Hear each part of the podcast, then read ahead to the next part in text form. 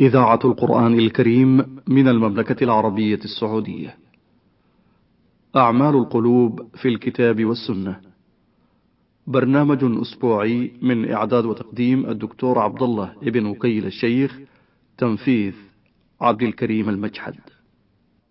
بسم الله الرحمن الرحيم. الحمد لله رب العالمين. الصلاة والسلام على أشرف الأنبياء والمرسلين نبينا محمد صلى الله عليه وعلى آله وصحبه أجمعين. أيها الإخوة المستمعون السلام عليكم ورحمة الله وبركاته وبعد. من أعظم آفات الذنوب على القلوب أنها تذهب أو تقلل الحياء فيها من الله سبحانه وتعالى.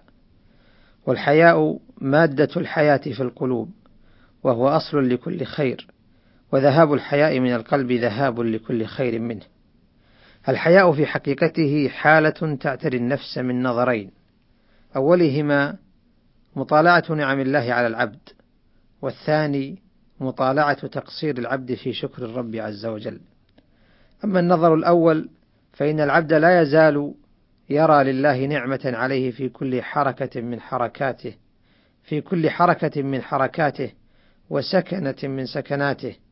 أرأيت نعمة الله بالبصر الذي تدرك به المرئيات، فترى طريقك، وتتعرف على الموجودات فتزداد علما بها، ومعرفة لأوصافها الدقيقة، فتسخرها بعد ذلك بمقتضى هذا العلم فيما يعود عليك بالنفع وعلى بني الإنسان. ثم إنك تستمتع بهذا البصر في رؤية هذه الموجودات الجميلة التي تملأ نفسك مشاهدتها أنسا وحبورا، وتسري بها عن نفس أضناها التعب أو أدركها الكلل من تتابع حياة رتيبة. أرأيت نعمة الله عليك بالسمع كيف تسمع به من يحادثك فتصل إلى هذا التعاون الذي تبتغيه من الخلق، وتتعلم بواسطته ما لم تعلمه بنفسك، بل وتستمتع به بسماع الحديث العذب والمنطق الخير، وتلتذ بسماع ما أحل الله لك سماعه. أرأيت بقية أعضاء أرأيت بقية أعضاء بدنك؟ كيف تتصرف بما ينفعك؟ ويحقق لك مبتغاك؟ فلو فقدت بعضها فقدت خيرا كثيرا. وحرمت من أعمال وتصرفات كنت تود القيام بها. ثم هل رأيت ما أسبغ الله عليك من النعم الظاهرة من المال النافع والولد والزوجة والجاه والمكانة وغير ذلك من النعم التي لا تحصيها؟ وفوق ذلك كله نعمة التوفيق إلى دين الله الحق. قل بفضل الله وبرحمته فبذلك فليفرحوا هو خير مما يجمعون. فإذا قضيت لبانتك من هذا النظر الأول فعد إلى النظر الثاني. هل أديت شكر نعمة الله عليك في بصرك؟ فكان جوالا في النظر فيما يعود عليك بالخير من مطالعة العلم النافع والنظر في وجوه الحكمة في الخلق والاعتبار بدقة الصنع في هذا الوجود. فجرك ذلك إلى مزيد توقير وإجلال ومحبة للخالق البارئ. وهل أديت من وجه ثاني شكر نعمة الله عليك؟ في سمعك فملأته بالحديث المبارك الذي يدلك على كل خير في أمر دينك ودنياك. وهل جعلته منفذا علميا مفتوحا للمعرفة الحقة التي تملأ القلب والعقل؟ وهل أديت نعمة الله عليك في الولد والزوجة والمال وسائر النعم فاستعنت بها على مرضاة الله ووجهتها إلى طاعة الله وجعلتها خير زاد لك في سفرك إلى الدار الآخرة التي إليها الفرار وفيها المستقر؟ إن الحياة الحقة ميراث للحياء الحقيقي المتولد من ذينك النظرين السابقين. ولذا فإن من أعظم الخسارة أن يحرم العبد صفة الحياء التي هي مبعث كل خير. جاء ذلك في قوله صلى الله عليه وسلم الحياء لا يأتي إلا بخير. متفق عليه. وفي رواية لمسلم الحياء خير كله أو قال الحياء كله خير. ولقد كان صلى الله عليه وسلم يستنكر على من يظن أن كثرة الحياء يتولد منها الضرر فلقد رأى صلوات الله وسلامه عليه رجلا يعظ أخاه في الحياء فقال رسول الله صلى الله عليه وسلم دعه فإن الحياء من الإيمان. متفق عليه من حديث ابن عمر ومعنى يعظ أخاه في الحياء أي يعذله على كثرته ويزجره عنه. ولما كان الحياء بهذه المنزلة توارد الأنبياء على الوصية به والحث عليه فقال صلى الله عليه وسلم. إن مما أدرك الناس من كلام النبوة الأولى إذا لم تستحي فاصنع ما شئت. رواه البخاري. وهذا ذم لترك الحياء ونهي عنه فإنه تهديد ووعيد وكأنه قال إذا لم يكن لك حياء فاعمل ما شئت فإن الله يجازيك عليه. كقوله تعالى اعملوا ما شئتم إنه بما تعملون بصير. وقوله فاعبدوا ما شئتم من دونه أو هو أمر ومعناه الخبر والمعنى أن من لم يستحي صنع ما شاء فإن المانع من فعل القبائح هو الحياء. فمن لم يكن فمن لم يكن له حياء انهمك في كل فحشاء ومنكر. ولهذا قال سلمان الفارسي رضي الله عنه إن الله إذا أراد بعبد هلاكا نزع منه الحياء.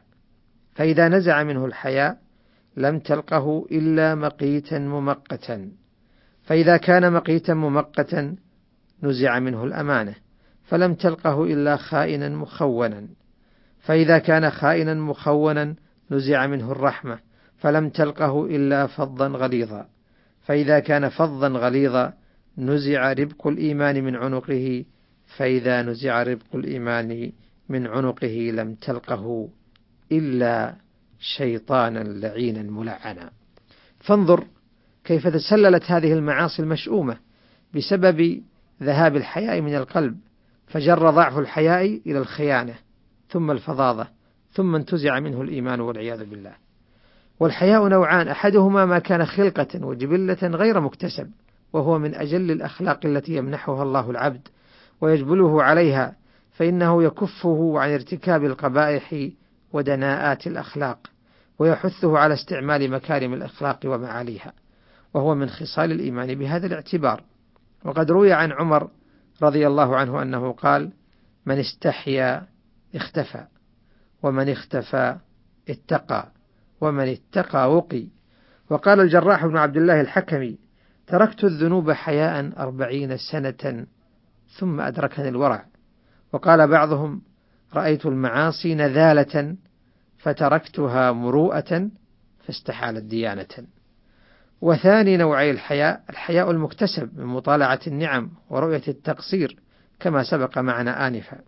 فإذا اجتمع للعبد الحياءان فذلك خير كله. فإن لم يكن له في الأول سهم وافر فليثابر على تحصيله من الوجه الثاني فإن نزع منه من الوجهين فذلك الشر أجمعه والبلاء كله. نسأل الله السلامة والعافية.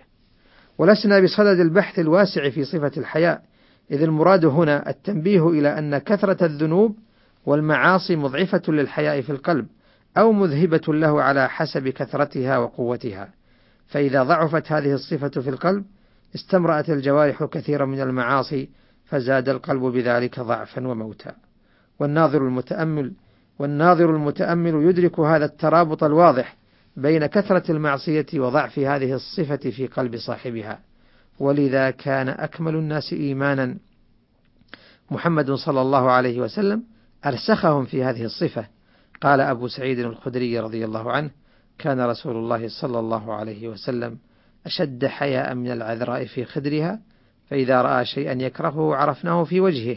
متفق عليه. فقد منعه الحياء صلوات الله وسلامه عليه من أن يغلظ في القول. أو يشتد في لفظ اللسان فلا يبرح فلا يبرح التغير في الوجه من كمال حيائه وتباعده عما يناقض ذلك الحياء وإلى اللقاء أستودعكم الله والسلام عليكم ورحمة الله وبركاته. أعمال القلوب في الكتاب والسنة. برنامج أسبوعي من إعداد وتقديم الدكتور عبد الله ابن وكيل الشيخ تنفيذ عبد الكريم المجحد